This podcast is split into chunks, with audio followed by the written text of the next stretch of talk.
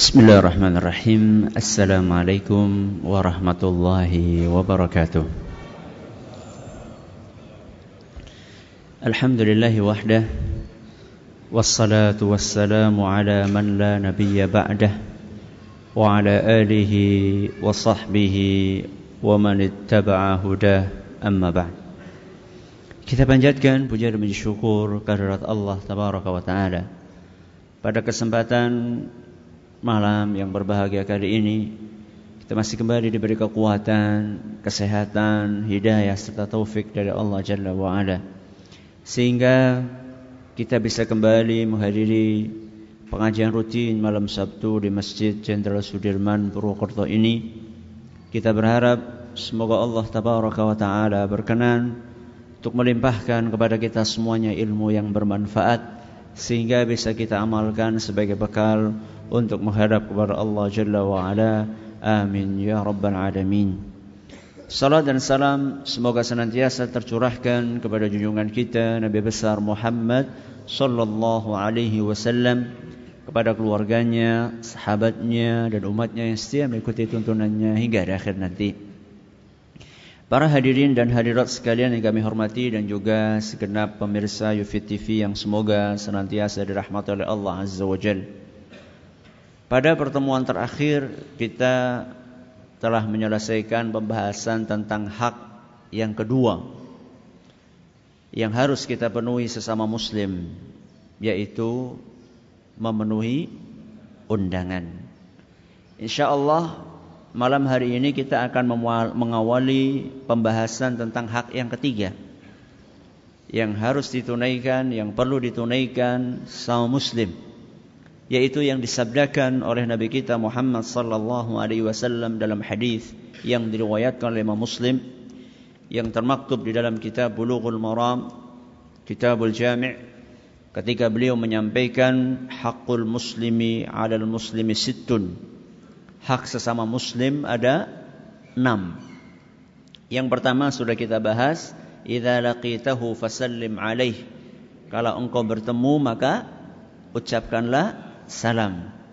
Hak yang kedua, Waalaikumsalam. Hak yang kedua, wa idza da'aka fa'ajibhu. Seandainya engkau diundang maka datangilah undangannya. Hari ini kita akan membahas hak yang ketiga. Apakah hak tersebut? Wa idza stansahaka fansahhu.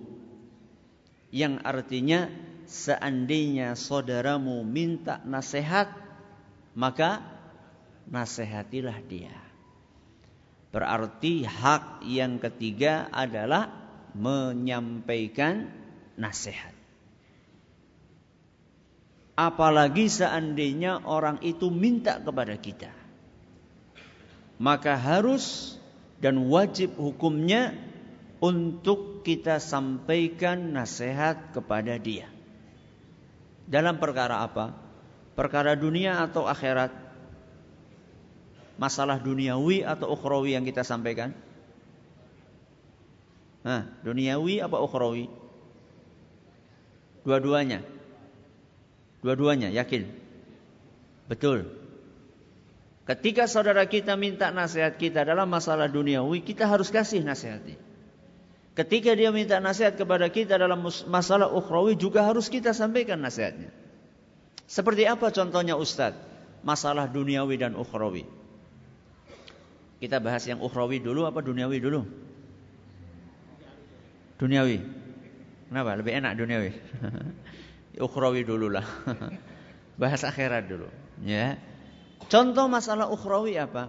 Misalnya, teman kita tanya sama kita, eh cara sholat yang benar sih gimana?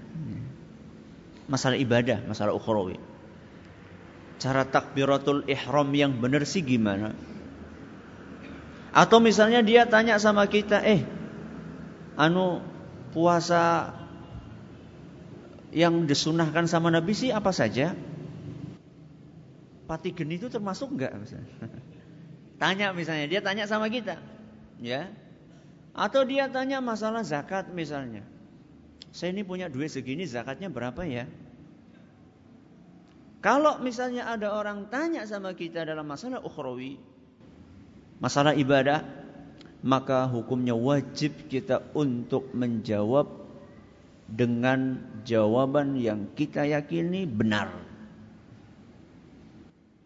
Tidak boleh kita asal-asalan menjawab. Kayane kayak kie. Itu enggak boleh. Ya. Atau kira-kira enggak bisa. Masalah halal dan haram itu enggak boleh kira-kira. Ya, kira-kira kayak gini, takbiratul ihram carane nyong, aduh, bubar nek carane nyong. Ya. Terus bagaimana Ustaz? Kalau saya nggak tahu, bilang nggak tahu. Ya. Kalau kita ditanya masalah agama, sedangkan kita tidak paham dan kita tidak yakin bahwa kita tahu, katakan tidak tahu. Ya izin Ustaz ya. Loh izin. Justru ketika kita mengatakan tidak tahu, itu bah, itu kita telah memberikan nasihat yang terbaik buat dia. Nanti kita akan bahas arti dari nasihat itu apa. Ya. Ya. Secara bahasa apa, secara istilah apa.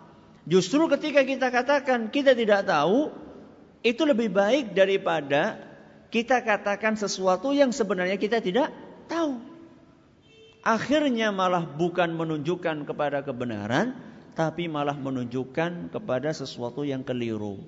Alias bahasa lainnya adalah menyesatkan. Ya. Maka kalau misalnya kita tidak tahu, katakan tidak tahu. Syukur-syukur kita bisa memberikan arahan. Nih, saya tahu ada orang yang kemungkinan bisa jawab pertanyaan kamu. Orangnya memang punya kompetensi dalam masalah itu. Dia paham masalah apa yang kamu tanyakan. Ini saya punya nomornya. Atau saya punya emailnya. Atau saya punya alamatnya. Silakan datang ke sana. Itu lebih baik. Daripada kita menjawab sesuatu yang kita ngarang jawabannya. Ini contoh masalah ukhrawi. Contoh masalah ukhrawi yang lainnya ketika ada orang tanya sama kita misalnya ada orang tanya, "Eh, anu ngaji yang bagus sih di mana?" Ya. Tanya masalah pengajian sama kita. Maka kita harus tunjukkan kepada dia betul-betul tempat yang recommended betul. Yang betul-betul bisa direkomendasikan untuk dihadiri. Tidak boleh kita ngasal. Kayaknya kanan apa pengajian, neng dingin apa pengajian. Ya. Akan tetapi kita tahu persis, tahu persis entah kita pernah mendatangi pengajian tersebut atau kita pernah dikasih tahu sama orang yang pernah hadir dan kita percaya sama orang itu bahwa orang tersebut itu selektif, tidak ngasal, maka kita tunjukkan oh di sana. Atau misalnya termasuk permasalahan ukhrawi, orang tanya sama kita, "Eh, pondok yang bagus buat anak saya mana?" Ya. Pondok yang bagus buat anak saya mana? Sekolah yang bagus, sekolah Islam yang bagus buat anak saya di mana? Kalau memang kita tahu persis, oh di sana bagus kualitasnya. Saya tahu ustadznya gini, gini, gini, gini, kurikulumnya bagus. Gak boleh ngasal. Ya. Ini dalam masalah-masalah yang contohnya ukhrawi. Ya. Kemudian yang kedua adalah masalah apa? Duniawi. Contohnya kayak apa Ustadz? Masalah duniawi kalau kita ditanya. Ada orang tanya sama kita misalnya tentang pekerjaan. Eh, Gimana menurut kamu pekerjaan Anu misalnya? Bagus nggak? Menghasilkan nggak? Kalau kita tahu persis, oh bagus itu pekerjaannya. Itu menguntungkan sekali. Maka kita katakan, iya kamu bagus lakukan itu. Atau misalnya kita tahu itu pekerjaan akan merugikan dia. Maka kita katakan, oh jangan. Itu rugi kamu. Saya pernah mengalami itu. Jangan malah sebaliknya. Lah kesempatan ben ngerasakan Ya, masa nyongkrok sing ngerasakan rugi? Ya, jangan, gak boleh. Jadi kalau misalnya kita yakin betul bahwasanya ini akan merugikan, katakan merugikan. Karena dia tanya sama kita dan dia butuh nasihat dari kita, maka kita harus berikan nasihat kepada dia. Itu ya. Atau misalnya pekerjaan itu ada min plusnya. Ada positif dan negatifnya. Maka kita harus jelaskan apa adanya. Oh, itu pekerjaan itu minnya di sini, plusnya di sini. Kamu bekerja di pabrik anu, kelebihannya ini, kekurangannya ini. Kemudian kita bantu dia untuk nimbang-nimbang antara kelebihan dan kekurangannya mana yang dominan. Antara negatif dan positifnya mana yang lebih besar. Kita arahkan kepada dia, oh kalau menurut saya kamu sebaiknya ya tidak apa-apalah di situ. Walaupun ada kekurangannya akan tapi kelebihannya lebih banyak dibandingkan kekurangannya. Ini contoh masalah apa? Duniawi. Contoh yang lainnya misalnya. Ada teman kita tanya sama kita. Eh, saya ini mau rekanan bisnis nih sama si Fulan. Kamu kan pernah bisnis sama si Fulan itu. Itu gimana itu dia itu orang? Kalau kita tahu, oh si Fulan ini.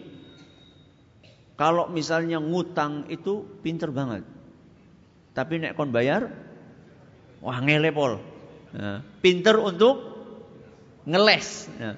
Kalau seperti itu kondisinya, harus kita jelaskan sama dia. Oh jangan, si Fulan ini saya pernah bisnis sama dia, kacau itu. Ya. Sukanya ngambil barang tapi nggak mau bayar. Ya. Pokoknya jangan, jangan, jangan. Harus kita jelaskan, dia minta nasihat. Atau misalnya dia tanya sama kita, dia mau besanan misalnya.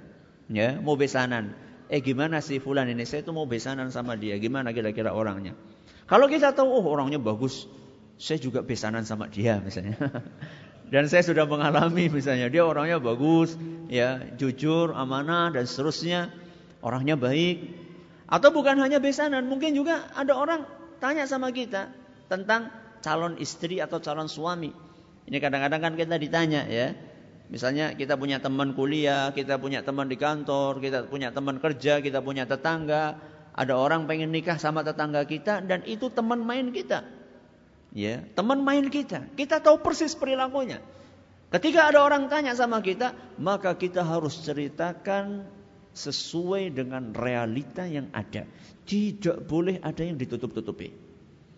Bosat kancaku si kepriwe. Itulah bukti bahwa kita betul-betul mencintai saudara kita sebagaimana kita mencintai diri kita sendiri. Ya. Dan itulah yang dipraktekkan oleh Nabi sallallahu alaihi wasallam. Diceritakan dalam hadis yang diriwayatkan oleh Imam Muslim ada seorang wanita muslimah pada zaman Nabi SAW namanya Fatimah binti Qais. Bukan Fatimah putrinya Nabi SAW bukan. Ada seorang wanita namanya siapa? Fatimah binti Qais.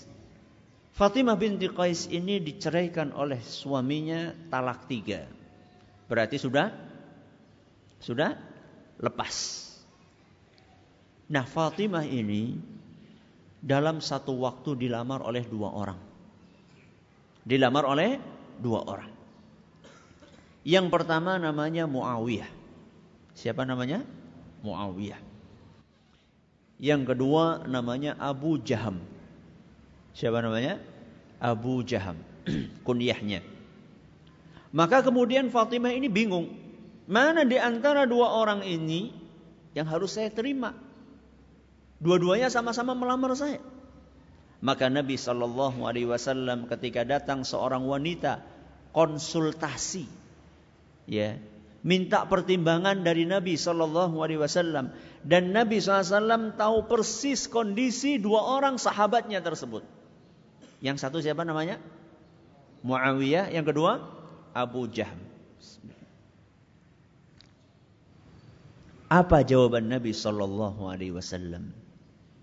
Wahai Fatimah, amma Abu Jahmin.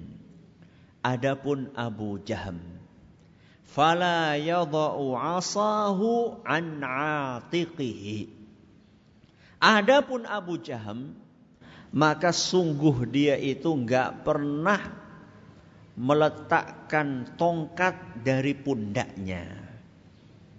Apa kira-kira maksudnya? Pekerja keras? Apa kira-kira? Gak pernah meletakkan tongkat dari pundaknya. Nyekel kayu terus. Apa kira-kira maksudnya? Para ulama mengatakan maksudnya ini orang suka mukul. Bukan tukang pukul.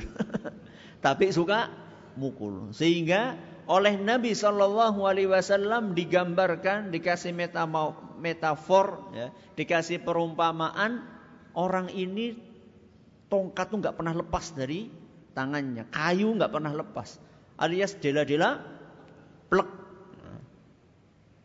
Jelaskan oleh Nabi, dijelaskan oleh Nabi apa adanya. Si fulan ini kayak gini. Ini sahabat yang pertama. Sahabat yang kedua siapa tadi? Muawiyah. Kata Nabi SAW, wa amma Muawiyatu. Adapun Muawiyah, fasu'luqun la malalahu. Dia itu miskin, gak punya harta. Miskin, gak punya harta. Waduh, berarti dua-duanya sama-sama tidak direkomendasikan oleh Nabi SAW.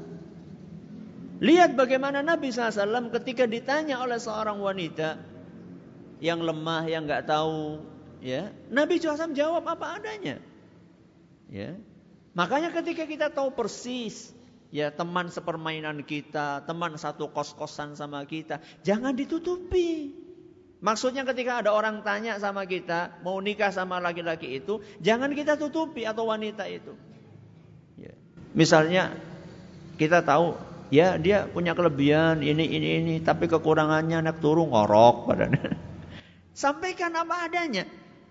Nanti jangan-jangan dia protes sama kita ketika kita ngeluh. Kamu tuh tidur sering satu kamar, saya jadi nggak bisa tidur dulu. Kamu nggak cerita-cerita kalau calon suami saya ini nek ngorok itu keras. Ya. Jelaskan apa adanya. Ya. Kalau memang punya kelebihan, jelaskan kelebihannya. Kalau punya kekurangan, jelaskan kekurangannya. Kemudian setelah oleh Nabi SAW dijelaskan kekurangan eh, masing-masing Abu Jaham dan siapa? Muawiyah. Kemudian Nabi SAW kasih alternatif. Nabi SAW kasih alternatif karena Nabi SAW tahu ada orang yang baik. Yang layak untuk kamu nikahi. Apa kata Nabi sallallahu alaihi wasallam? Angkihi Usama bin Zaidin. Kalau kamu mau, kamu nikah saja sama sahabat namanya siapa? Usamah bin Zaid. Siapa namanya? Usama bin Zaid. Fakarih tuh. Kata Fatimah, saya ini gak suka sama Usama. Usama ini nun sewu kulitnya hitam. Kulitnya hitam. Muawiyah itu bangsawan. Muawiyah itu bangsawan. Abu Jaham nggak tahu kelebihannya, ya. Muawiyah itu bangsawan terkenal. Usama bin Zaid itu orang kulitnya hitam, ya. Kemudian ya mungkin kurang menarik lah, ya. Kurang kurang menarik. Fakarih tuh, saya nggak suka. Akan tapi kemudian Nabi SAW mengatakan lagi angkihi Usama. Nikahilah Usama. Maksudnya ya sudah kamu milih Usama saja. Maka si Fatimah ini ketika mendapatkan penegasan dari Nabi Shallallahu Alaihi Wasallam, akhirnya beliau pun mengikuti apa yang disampaikan oleh Nabi SAW. Fanakah tuhu. Terakhir saya menolak lamarannya siapa tadi? Muawiyah, saya tolak lamarannya Abu Jaham dan akhirnya saya menerima lamarannya Usama. Saya nikah sama beliau. Faja'alallahu fihi khairan waqtab.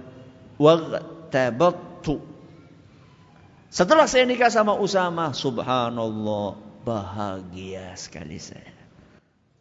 Saya bahagia sekali dan saya mendapatkan kebaikan yang sangat banyak di dalam pernikahan saya dengan Usama. Hadis riwayat Muslim. Lihat bagaimana Nabi kita Muhammad sallallahu alaihi wasallam betul-betul ketika ditanya tentang sesuatu beliau kasih apa adanya. Dan beliau arahkan kepada sesuatu yang lebih baik dan betul-betul akhirnya Fatimah binti Qais hidup dalam mahligai kebahagiaan dengan suaminya yang baru yaitu Usama bin Zaid. Makanya terus terang saya pribadi nih, saya pribadi kalau disuruh nyarikan calon dan saya nggak tahu calon itu siapa, saya lebih baik apa? Angkat tangan. Berapa kali ada orang entah pakai SMS, entah pakai telepon, entah datang ke rumah, Ustadz tolong carikan saya pasangan. Aduh, kira rasanya jangan.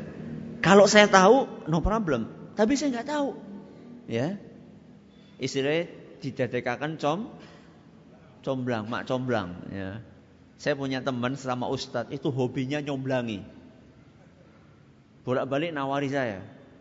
Ya, padahal saya kan udah nikah kan. Maksudnya nawari yang kedua gitu. Eh, dia kan anu akrab banget sama saya. ya, teman kuliah selama 10 tahun di Madinah. Sudah manggilnya pakai nama saya, Zen Zen. Nih ada calon, ente mau enggak? Dia siap. enggak, enggak, enggak, saya bilang. Ini memang teman saya yang satu ini hobinya nyomblangi. Jadi kalau dia dia itu bukan hanya diminta sama orang, nawari sama orang. Nih kamu mau enggak nih nikah? Hobinya nyomblangi. Kalau saya kebalikannya. Kalau suruh nyomblangi, kenapa? Kalau saya pribadi itu kalau enggak kenal, takut buntutnya itu loh. Ya, pernah ada ustadz nyomblangi, ya, pernah ada ustadz nyomblangi, ternyata hasilnya enggak sesuai yang diharapkan. Setiap ada masalah ustadznya ditarik. Gak ada masalah. Ada masalah ditarik. Sampai cerai pun disalahkan dia. Aduh. ya. Makanya uh, kalau kita dimintai nasihat sama orang dan kita bisa sampaikan. Kalau kita nggak bisa katakan saya nggak bisa. Lebih baik dari awal katakan tidak tidak bisa. Ya. Contoh yang lain itu contoh ya, contoh pekerjaan, profesi, terus uh, rekan bisnis, kemudian pernikahan, Ya, contoh yang lain, nasihat. Kita diminta nasihat dalam perkara duniawi. Contohnya pembeli datang ke toko kita. Pembeli datang ke toko kita. Mas, mas, anu, ini dari sekian HP misalnya, jualan HP misalnya. Ini HP yang paling bagus mana mas? Jangan harus jelaskan. Ya, harus jelaskan. Oh, kalau menurut saya mas, HP yang paling bagus tuh ini. Walaupun harganya mahal, akan tapi kelebihannya ini, ini, ini. Tapi dia punya kekurangan mas, kekurangannya ini. Kalau yang ini mas, harganya murah. Fiturnya bagus, cuma cepat rusak. Jelaskan apa adanya. Ya. Atau misalnya ada orang pengen beli baju sama kita, kita jualan baju. Gimana mas, ini kira-kira cocok nggak sama saya? Wah cocoknya pol, padahal jane ora. Ya. Karena itu stok lama, ya nggak laku-laku sama kulit saya cocok nggak? Oh cocok Apple padahal ora. Ya. Itu jangan nggak boleh itu. Ya. Kalau misalnya kita ditanya seseorang ya, tentang barang yang kita jual, maka kita harus jelaskan, kita arahkan dia kepada sesuatu yang terbaik. Ya. Yang kita miliki bahkan naudzubillah min Nabi Shallallahu alaihi wasallam mengatakan dalam sebuah hadis yang diriwayatkan oleh Imam Abu Dawud dan hadis ini nyatakan hasan oleh Syekh Al-Albani, "Wa man asyara ala akhihi bi amrin ya'lamu anna ghairihi." Barang siapa yang memberikan masukan kepada saudaranya untuk mengambil suatu hal padahal dia tahu ada yang lebih baik dibandingkan itu. Misalnya dia tanya, "Ini barang yang bagus mana?" A. Padahal kita tahu barang B lebih baik. Kata Nabi SAW, fakat khanahu. Sungguh dia telah mengkhianati saudaranya. Subhanallah. Jadi angel dagang ya, pancen. Ya. Maka kita harus hati-hati betul. Ya. Kalau memang barang dagangan kita itu ada aibnya, jelaskan aibnya di mana. Jangan sampai aibnya kita tutup-tutupi. Ya.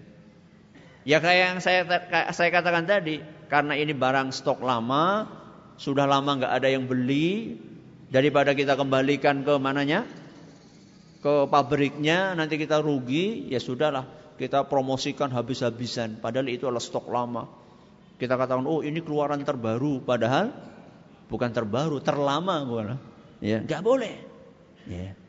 Rasulullah Shallallahu Alaihi Wasallam menjelaskan dalam sebuah hadis yang diriwayatkan oleh Imam Bukhari dan Muslim fa in wa bayyana burika lahuma fi seandainya penjual dan pembeli sama-sama jujur. Wa bayyana dan mau menjelaskan secara gamblang. Tidak ada yang ditutup-tutupi. Burika fi bai'ihima maka perdagangan jual beli transaksi antara dua orang itu akan mendapatkan berkah dari Allah Subhanahu wa taala. Ya. Walaupun mungkin harganya turun karena ada kekurangannya. Sebaliknya kata Nabi SAW, wa in kadzaba seandainya dua-duanya sama-sama bohong, penjualnya bohong, pembelinya bohong. Penjualnya bohong ada aib, dikatakan tidak ada aib, pembelinya bohong, duitnya palsu. duitnya palsu. Sama-sama bohong ini. Pembeli dan menjual. Wakatama dan kedua-duanya sama-sama menyembunyikan. Ada kekurangan disembunyikan. Muhiqa barakatu bai'ihima. Maka keberkahan jual beli mereka berdua akan dimusnahkan oleh Allah Subhanahu wa taala. Barokah. Walaupun mungkin uang yang diterima banyak. Contoh jual mobil. Contoh jual mobil. Ketika jenengan jual mobil, apa yang jenengan lakukan? Dijelaskan kelebihannya. Kepikiran nggak dijelaskan kekurangannya? Jarang. Satu dalam seribu apa seratus? seratus ribu. ya. Jarang. Yang ada adalah jelaskan kalau oh ini mobilnya masih kinclong padahal lebih digosok wingi. Ya. Ini mesinnya sip padahal sudah berapa kali turun mesin. Nih kan lihat nih masih mulus padahal lebih wingi kecelakaan terus di dempul. Ya. Ini orang-orang yang seperti ini walaupun duitnya dapatnya banyak akan tetapi tidak ada berkahnya. Atau misalnya jual tanah, murah banget kita jual. Ternyata tanah itu tanah sengketa. Ya. Yang ada di pikiran adalah lah ono ulusane dhewek sing penting nyong wis duit. Tidak boleh. Atau misalnya jual rumah. Jual apa? Jual rumah. Ya. Kita jelaskan, oh ini rumahnya bagus sekali, strategis dan seterusnya. Gak pernah kita jelaskan, ini rumah sering kemalingan. Kondisi di sekeliling tidak aman. Naik banjir. Wow, nganti sedengkul. Gak pernah diceritakan. Yang ada di dalam benak dia adalah yang penting dia beli, setelah itu dia rasakan, saya juga pernah merasakan, ya hidup-hidup pada-pada ngerasakna. Ya. Tidak boleh yang seperti ini. Ya. Atau misalnya sales, nun sewu kalau ada sales di sini. Ya. Sales itu paling pinter untuk apa? Untuk promosi. Le promosi gue nun sewu nganti ngumpruk ya. promosi ini barang asli mas. Asli, lihat nih. Ini kalau nggak asli nggak kayak gini. Padahal bukan asli tapi aspal. asli tapi palsu. Padahal kita tahu persis itu palsu. Ini saya ngambil dari pabrik mas lihat nih, masih ada notanya ini. Loh, terus kenapa jenengan jual? Oh saya lagi butuh duit. Ya, memang dia butuh duit. Tapi bukan begitu caranya. Sales, kemudian marketing, ya kalau jenengan utang sama saya mas bunganya cuma satu persen. Bayangan kan satu juta berarti balik akannya satu juta satu satu juta satu persen mas. Wah is bayangannya uh enak banget ya balikannya kurang juta satu siji juta. Padahal satu persen per bulan cicilannya telung puluh bulan. Berarti berapa? 30 persen. Bohong namanya itu. Ya. Lebih parah dibandingkan rentenir. Ya. Yang seperti ini tidak boleh dalam agama kita. Ya. Nabi kita SAW mengatakan, "Idza sahaka sah lahu." Seandainya ada orang minta nasihat sama kita, maka jelaskan betul-betul sama dia. Subhanallah, ya. Seandainya etika nabawi ini diterapkan di dalam kehidupan kita sehari-hari, kita kita kira-kira nyaman gak kehidupan kita? Nyaman banget. Tidak ada penipu, ya, tidak ada maling, tidak ada orang yang subhanallah. Baru beberapa hari yang lalu saya kedatangan tamu. Tamu ini cerita Ustadz. Saya ini lagi terpuruk habis. Bisnis saya lagi jatuh habis-habisan. Kenapa? Kenapa? Ada apa? Saya bilang.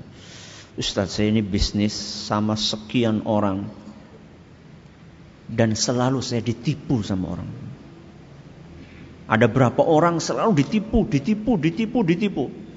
Saya bilang loh, jenengan sih gimana? Sudah ditipu kok masih pakai orang itu? Oh enggak Ustaz, orangnya beda-beda. Allahu Akbar. Jadi sudah ini ditipu, ganti sama orang, ditipu lagi. Gitu ditipu lagi sampai entek, entek, entekan. Habis. Dan semuanya itu rata-rata Ustadz. Saudara saya. Astagfirullahaladzim. Dan yang terakhir Ustadz. Guru ngaji anak saya. La ilaha illallah. Coba bayangkan sekarang kalau sudah seperti itu. Alangkah menyedihkannya kondisi yang ada zaman ini. Lah terus bagaimana Ustadz? Realitanya seperti itu. Kalau kita nggak kayak gitu Ustadz, kita nggak akan untung Ustadz. Kita bakalan buntung. Daripada benjut mendingan membenjutkan orang lain gitu ya. Loh kalau misalnya setiap dari kita berpikiran seperti itu, kapan kita akan memperbaiki kondisi yang ada di dalam masyarakat kita? Ya. Kalau masing-masing dari kita berpikiran, lah itu sudah lumrah Ustadz. Yang namanya dagang yang seperti itu. Kalau nggak seperti itu, mana mungkin kita akan untung. Kalau masing-masing dari kita berpikiran seperti itu, kapan kita akan mengamalkan tuntunan Nabi SAW dalam kehidupan kita? Apa fungsinya kita ngaji kalau seperti itu? Kalau bukan kita-kita ini yang sudah ngaji, yang sudah tahu ilmunya, yang mempraktekkan hal tersebut di dalam kehidupan kita sehari-hari, masa kita akan mengharapkan orang yang tidak tahu untuk mempraktekannya? Ya. Maka di sinilah letak ujiannya. Setelah dapat ilmu, maka ilmu itu diapakan? Diamalkan, dipraktekkan, diaplikasikan dalam kehidupan kita sehari-hari. Monggo yang dagang-dagang ini, ya, bukan cuma dagang tok, ya guru ya. Kalau ingin mengajarkan ajarkan sama murid-muridnya. Mana yang perlu diajarkan ajarkan. Jangan sampai yang diajarkan di sekolah itu adalah yang nanti nggak keluar. Kalau mau belajar lebih lanjut datang ke rumah. Apa? Apa namanya? Les. Nah, jadi yang yang les itu yang dikasih soal-soal yang belajar di sekolah yang nggak mau les itu nggak dikasih. Ya. Pokoknya kalau pengen lulus harus les. Ya ndak ada les gratis lah. Ya misalnya, lah, lah seperti itu nggak boleh. Ya. Ya, anu kita lanjutkan setelah azan insyaallah. Ada kalau ada yang mau tanya silahkan disiapkan pertanyaannya. Habis azan insyaallah. Alhamdulillah rabbil alamin wassalatu wassalamu ala nabiyyina Muhammadin wa ala alihi wa sahbihi ajma'in amma ba'd. Jadi hadis dari Nabi SAW tadi menjelaskan kepada kita bahwa kalau kita dimintai nasihat dalam urusan duniawi maupun ukhrawi maka sampaikanlah terbaik yang kita ketahui kepada orang yang minta nasihat kepada kita. Kalau tidak maka kita teranggap orang yang berkhianat ya kepada saudara kita sebagaimana yang tadi dijelaskan oleh Nabi kita Muhammad Sallallahu Alaihi Wasallam. Uh, kita baca beberapa pertanyaan yang sudah masuk. Ustaz, kita harus memberitahu baik buruknya orang jika dimintai pendapat. Apakah itu termasuk ghibah yang diperbolehkan? Jawabannya iya. Walaupun ghibah itu hukum asalnya haram. Akan tetapi berdasarkan dalil-dalil yang ada termasuk hadis yang tadi saya baca tadi, hadis tentang siapa? E, Fatimah binti Qais dengan siapa? Muawiyah dan Abu Jaham itu salah satu dalilnya dan masih ada dalil yang lainnya yang kemudian para ulama menyimpulkan bahwa ghibah dalam beberapa kondisi diperbolehkan. Ghibah dalam beberapa kondisi diperbolehkan. Imam Nawawi kalau nggak salah menyebutkan ada enam ya di dalam kitab beliau Riyadus Solihin kalau tidak salah. Itu menyebutkan ada enam kalau tidak salah yang diperbolehkan di antaranya itu ketika kita dimintai pertimbangan tentang orang yang akan nikah atau orang yang akan dijadikan sebagai rekan bisnis dan seterusnya. Itu termasuk yang diperbolehkan berdasarkan dalil yang ada. Ustaz saya dikasih tahu untuk menasehati keponakan saya yang suruh pakai baju gamis tapi baju itu tidak disenangi karena coraknya batik dia minta yang polos tapi anak ini disuruh sama orang tuanya tidak mau lebih mendahulukan perintah orang tua atau tidak pakai baju itu. Tidak ada masalah, lebih baik mengikuti perintah orang tua. Lebih baik mengikuti perintah orang tua selama perintah orang tua itu tidak menyelisih agama. Ya batik tidak ada masalah, boleh-boleh saja pakai batik. Yang penting memilih batik yang tidak ada gambar apanya, gambar makhluk hidupnya, ya itu lebih baik. Ya batik secara asal tidak ada masalah.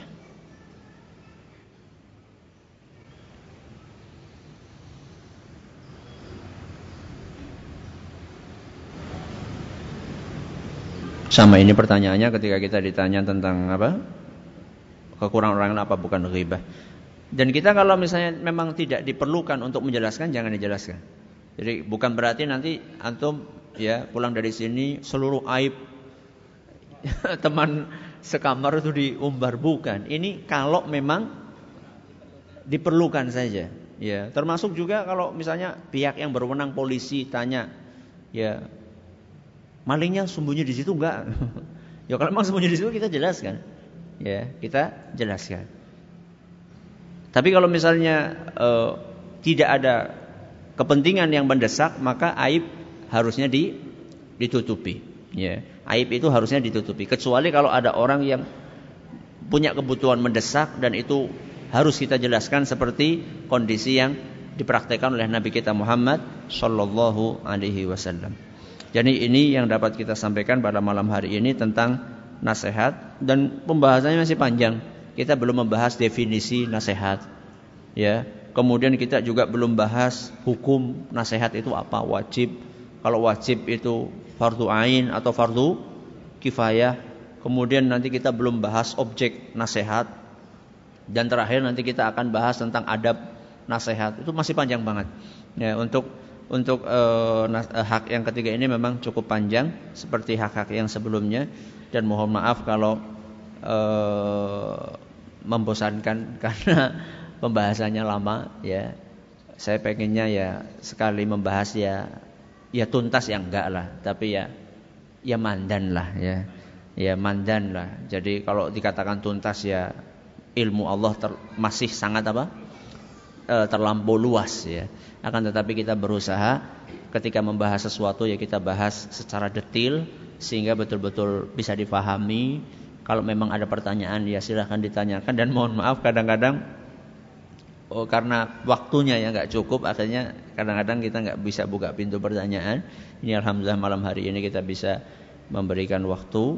E, kalaupun ternyata ada unek-unek yang belum tersampaikan karena keterbatasan waktu bisa setelah pengajian sambil jalan keluar bisa menanyakan apa yang perlu ditanyakan. Wallahu taala wa alam. Terima kasih atas perhatiannya. Mohon maaf atas segala kurangnya. Kita tutup dengan membaca subhanakallahumma wa bihamdika asyhadu an la ilaha illa anta astaghfiruka wa atubu ilaik. Assalamualaikum warahmatullahi wabarakatuh.